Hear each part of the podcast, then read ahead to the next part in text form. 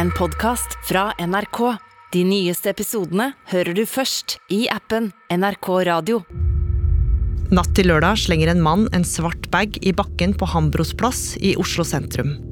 Det var eh, veldig dramatisk. Jeg var akkurat kommet ut av trikken eh, ved siden av Oslo tinghus. Eh, sto i snakk med noen på vei inn på et utested. Eh, da ble jeg oppmerksom på en mann som satte fra seg en bag. av bagen trekker han to våpen. To personer er altså skutt og drept i sentrum. 19 er skadd. Seks av de 19 er sendt til sykehus.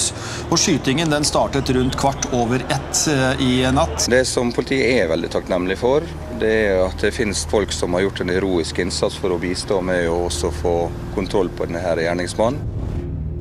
Hvem er den draps- og terrorsikta mannen?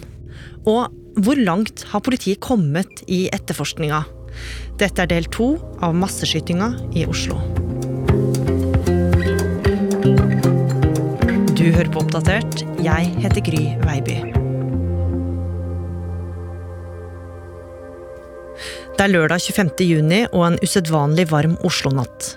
I en av sidegatene til Karl Johan, hvor pridefeiringa har dampa og kokt i timevis, bryter ut fullstendig kaos. En 42 år gammel mann med gul T-skjorte løsner skudd og dreper to personer på utestedet Per på hjørnet, før han går videre mot London pub, et stamsted for skeive. Der skyter og skader han flere. Mannen fortsetter videre og skyter mot et gatekjøkken før han løper nedover gata. Der tar flere modige sivile sats og overmanner ham. Like etter kommer politiet og legger ham i håndjern.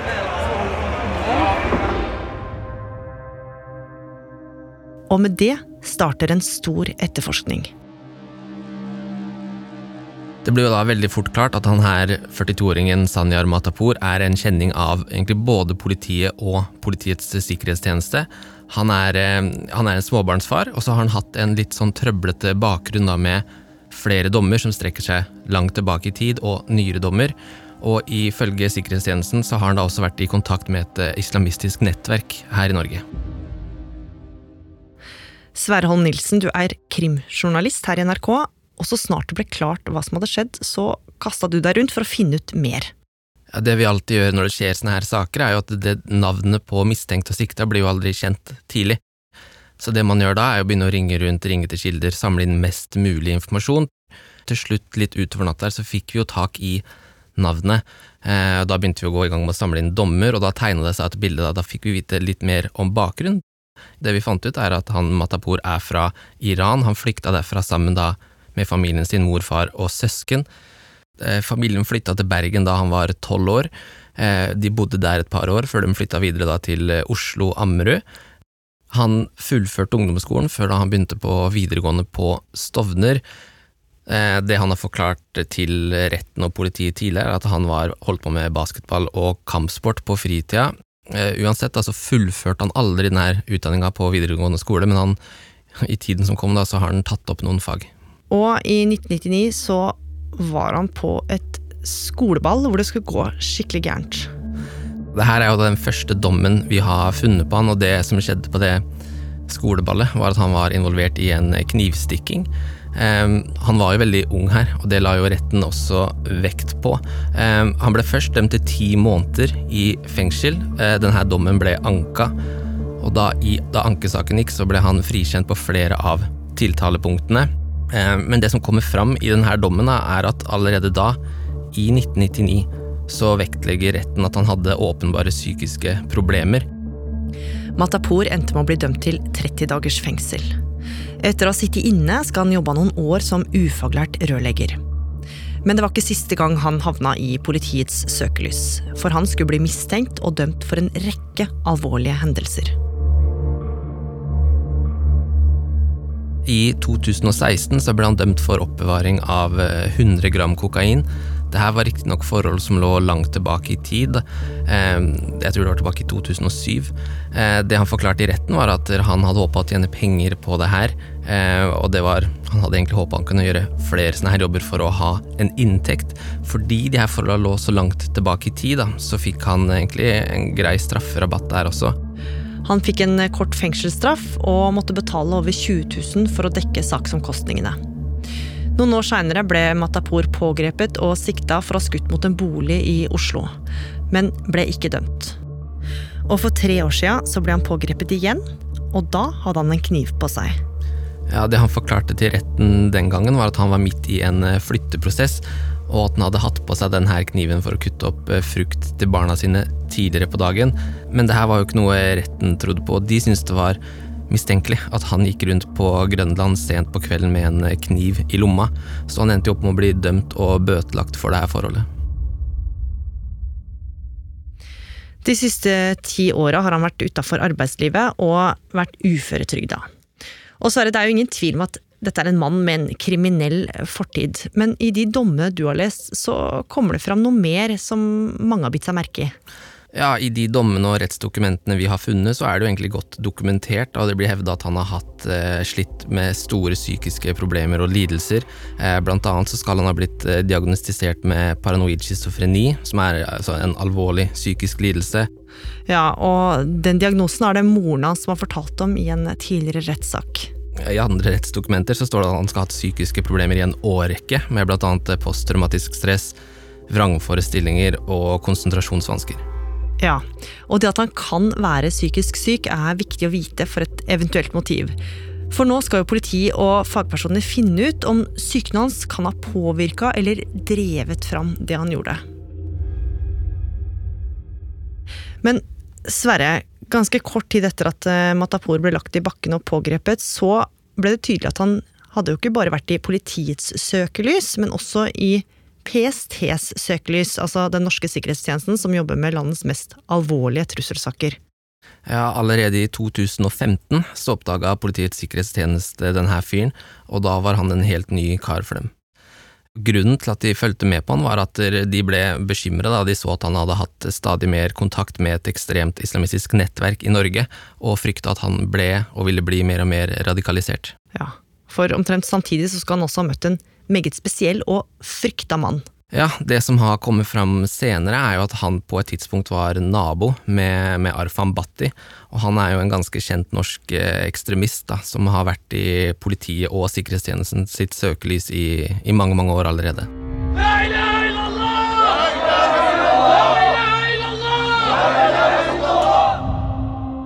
Arfan Bhatti, en lederskikkelse i det ytterliggående islamistiske miljøet. Vår lojalitet ligger hos Allah subhanahu wa ta'ala, våre undertrykte muslimske brødre og søstre mujahideen, som kjemper mot okkupantene for å befri det muslimske land og det muslimske folk. Allerede i tenårene hadde han vært dømt for knivstikking, tyveri, trusler, skyting, torpedooppdrag og vold mot politiet. I april var både Matapour og Bhatti på vei til en motdemonstrasjon på Stovner mot Sian, stopp islamifiseringen av Norge. Der skal de ha blitt stoppa i en bil der politiet fant en kniv i bagasjerommet. Ifølge TV 2 skal politiet ha tatt med seg Batti til arresten, mens Matapour fikk gå. Og det her må jo ha gjort PST bekymra, for i mai i år Sverre, så kalte de inn Matapour til et møte for å finne ut av hvor farlig han faktisk var. Ja, Det PST har bekrefta, er at i mai i år så hadde de Matapour inne til en såkalt bekymringssamtale, hvor de da si, ber han komme inn og for å bli litt bedre kjent med han, holdt jeg på å si, finne ut hva holdningen hans er, finne ut eh, si, hans tanker rundt ekstreme islamisme, da, siden de da har sett at han har vanket i de her kretsene. Det er litt vanskelig å finne ut nøyaktig hva samtalen gikk ut på, men det som i alle fall skjedde, var at PST konkluderte med at han var ikke noe sånn umiddelbar fare for samfunnet rundt seg. Hva Matapour gjorde mellom bekymringssamtalen og masseskytinga, det veit vi ikke ennå. Men natt til lørdag 25. juni gikk det fryktelig galt.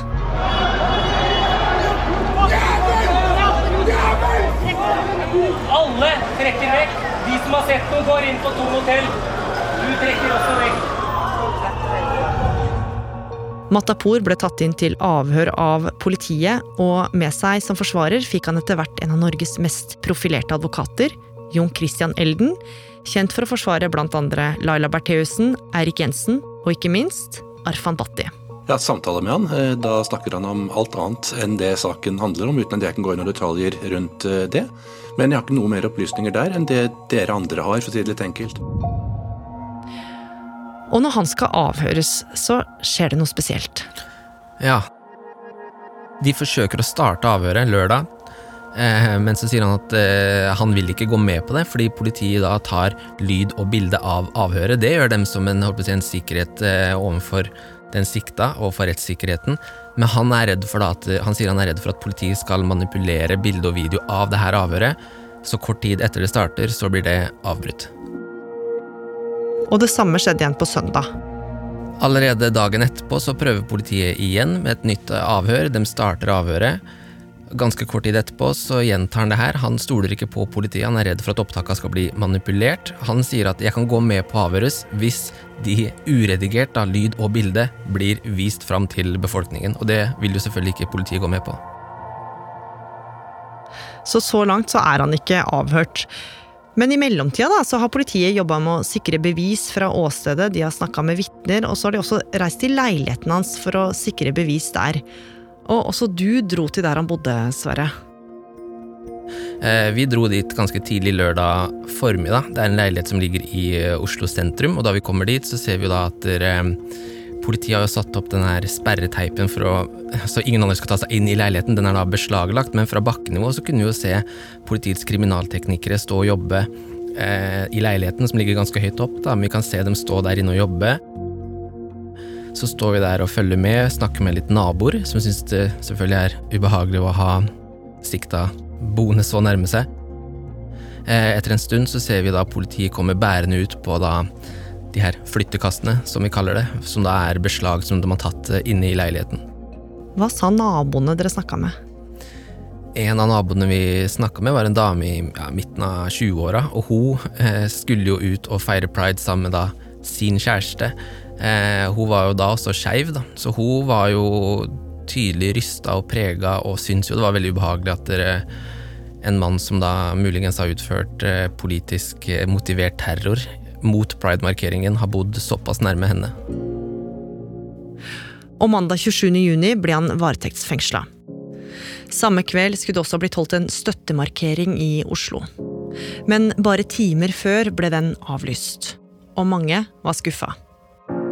Jeg syns at det er veldig feil å komme med den vurderinga i dag, eh, siden det i går var trygt nok til å kunne gjøre det. Det syns jeg er veldig rart. Det er forferdelig trist for eh, alle oss skeive, og for alle som ikke er skeive, men som hadde lyst til å vise solidaritet eh, i en veldig vanskelig tid.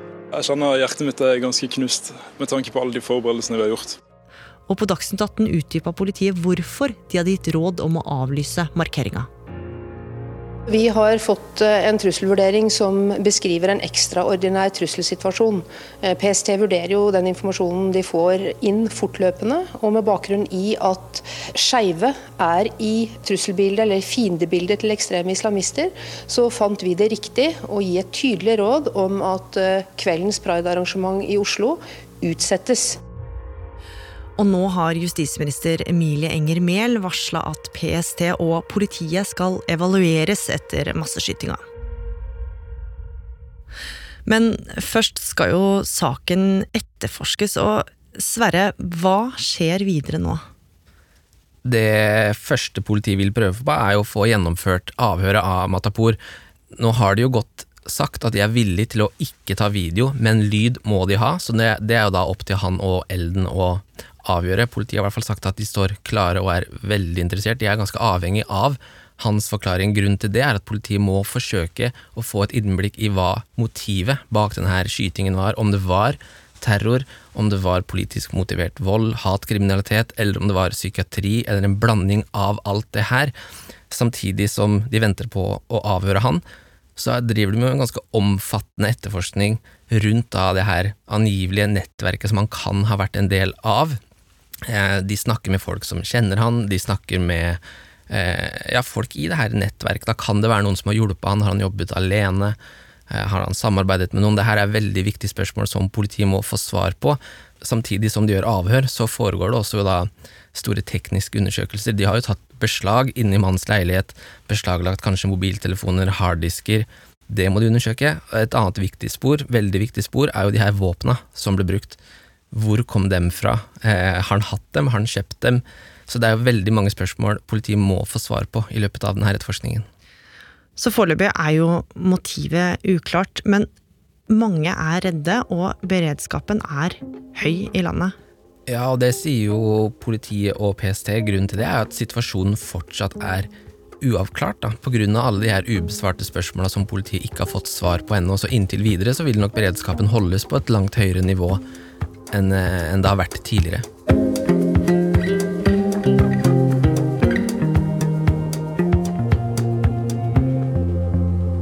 Oppdatert er en podkast fra NRK Nyheter, og denne episoden ble laga av Kaja Kirsebom. Espen Bjørlo Mellem. Andreas Berge. Og meg, Gry Veiby. Programredaktør er Knut Magnus Berge. Trenger du noen å snakke med, kan du ringe Mental Helses hjelpetelefon på 116 123. Klippene du hørte i denne episoden, var fra TV 2, VG, Aftenposten og NRK. Jeg er på vei hjem fra skolen. Da gikk to gutter forbi, og han ene spytter da på meg og sier da 'jævla svarting'. På slutten av 80-tallet begynner det å dukke opp hakekors og andre nazisymboler på husvegger og postkasser i Brumunddal. Innvandrerfamilier i bygda blir livredde når de blir utsatt for stadige angrep. Da så jeg bare liksom at pappa lå i gangen. Hele puta var rød, liksom. Og, og det var blod overalt. Når antirasister og en gruppe kjente nynazister møter opp på et folkemøte, blir det bråk. Vi er norsk arbeiderungdom altså, som er for norsk makt. Altså. Det må kunne gå an å si at vi er for Norge og for Europa uten å bli kalt rasister. Jeg heter Kaja Frøysa, og jeg har laget dokumentarserien 'Gateslaget i Brumunddal'. Gateslaget i Brumunddal hører du først i appen NRK Radio.